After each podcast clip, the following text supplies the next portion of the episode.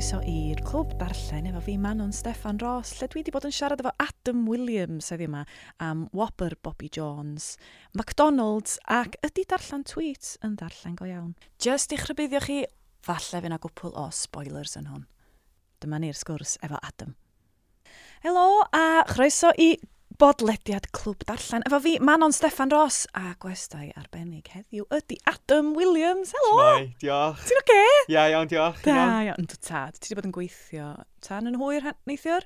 A heddi dwi'n gweithio a neithwyr ro'n gweithio, felly dwi wedi blino iawn heddi. Oh, ac oedd ti'n dweud gyna, ti'n gweithio yn McDonald's? Do, ydy. A ti'n cael 50% discount.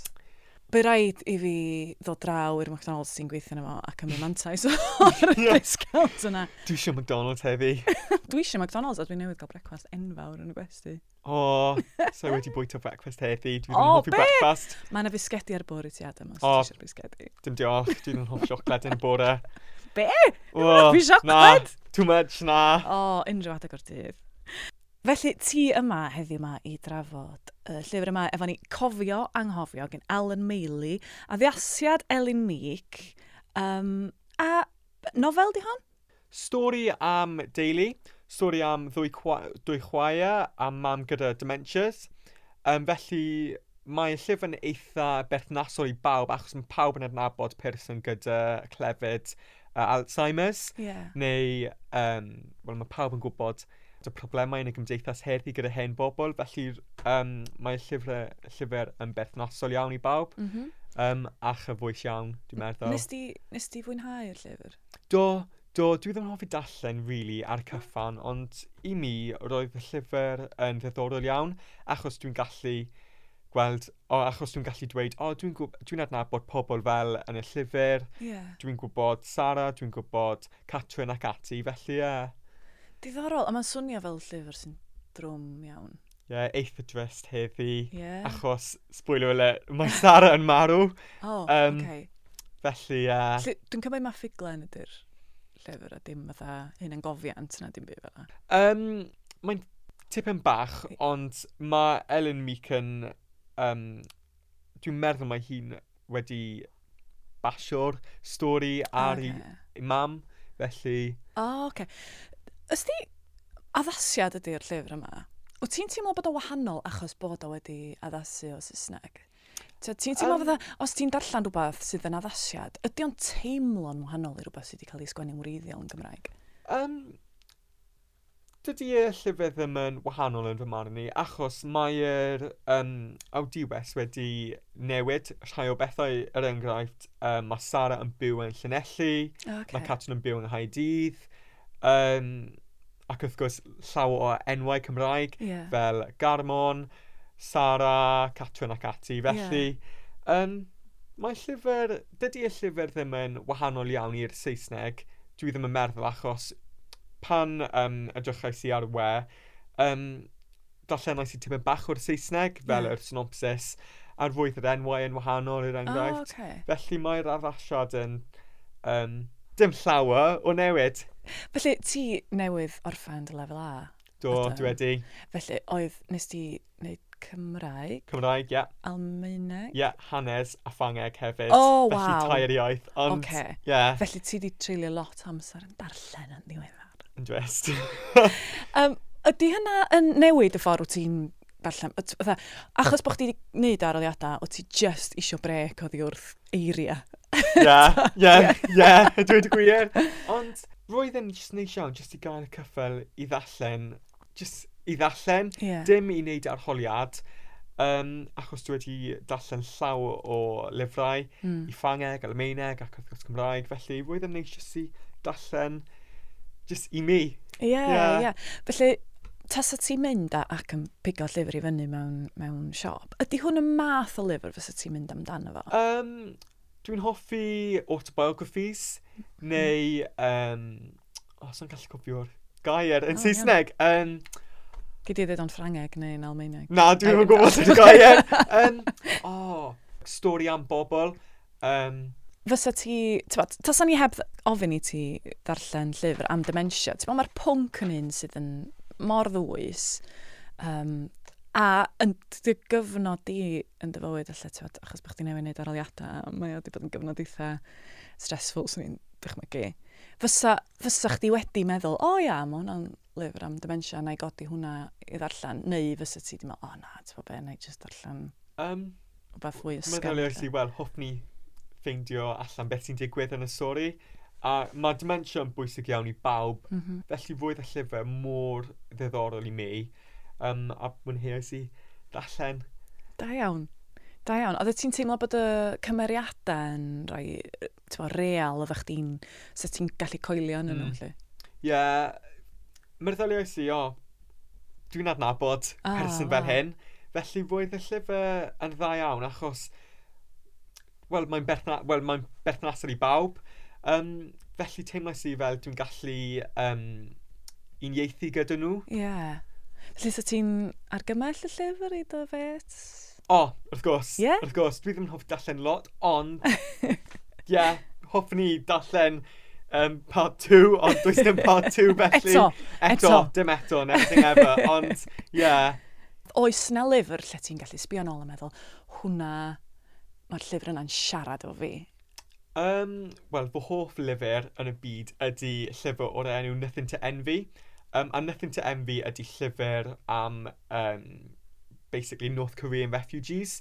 Wow. Sut mae'n, um, pan maen nhw'n um, mynd o'r oglerth i dde Korea. Um, felly, teimlais i, pan dallen i Nothing to Envy, ro'n i fel, oh my god, mae'r stori mor drist. Dwi ddim yn gallu um, teimlo fel, ie, yeah, dwi yn y stori achos dwi na, ddim yn dod o'n cwia. Yeah. Ond fwydd y stori môr just kind of touching. Ie, yeah, bod yn rhoi perspective. i chdi. ie, yeah, a dwi'n hoffi um, just ddysgu am pobl eraill a just, just ddysgu am just bywyd. Felly ti'n meddwl, tywed, sy ti'n fwy tueddol o bigo llyfr ffeithiol i fyny yn hytrach na mm. stori? Ie. Yeah. Okay.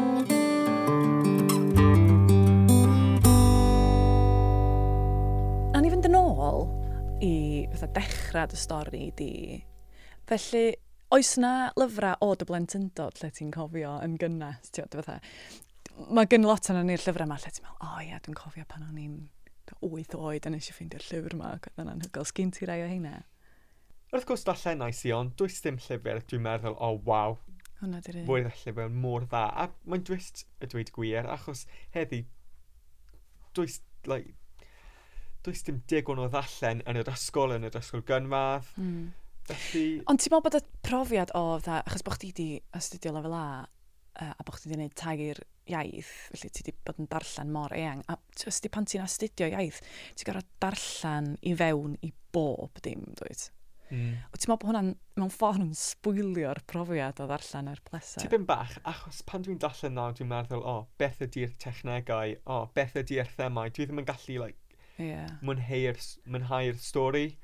Um, dwi'n gorferddol. Ie, yeah, ie. Yeah. Yeah. Ond mae yna ffyrdd gwahanol o ddarllen, um, dim just llyfrau. Felly, wyt ti'n tueddu darllen eitha blogiau neu cylchgrona neu hyd yn oed Twitter neu beth. Hwna'n yeah. rhywbeth sy'n mynd at y fredin fwy falle. Mm. Dwi'n hoffi darllen llawer ar-lein fel um, yr newyddion neu ar Twitter ac ati.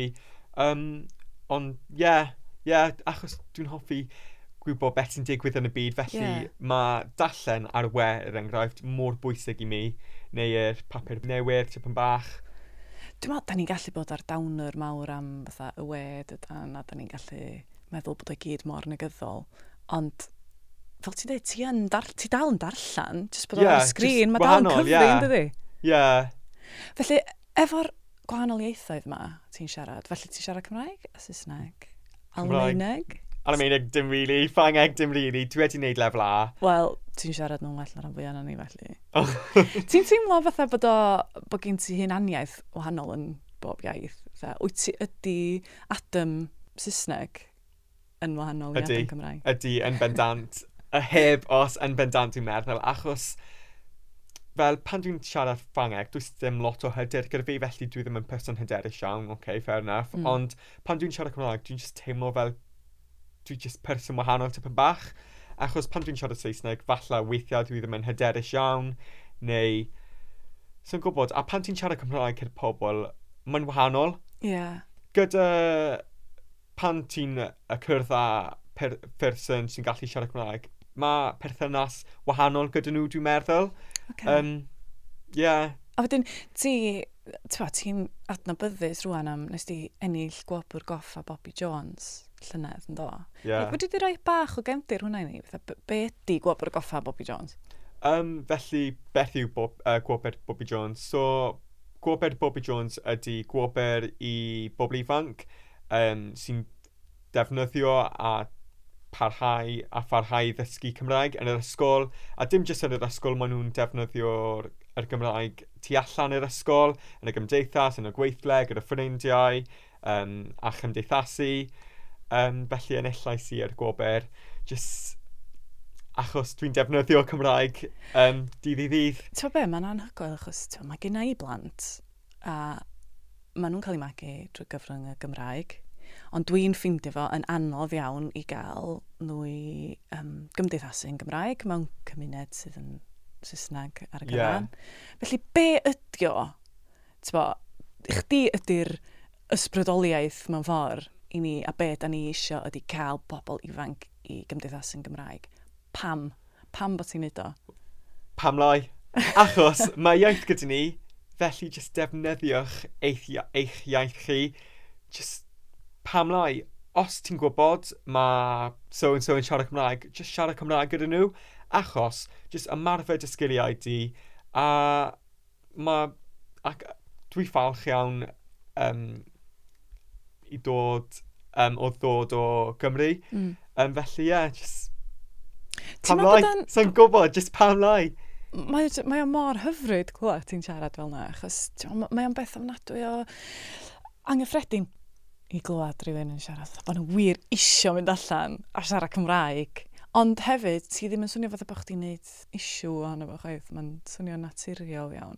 Yeah. Ond o ran fatha llyfrau a falle teledu a music Cymraeg, ti'n teimlo bod y diwylliant yn gwneud i chdi fod eisiau siarad Cymraeg fwy?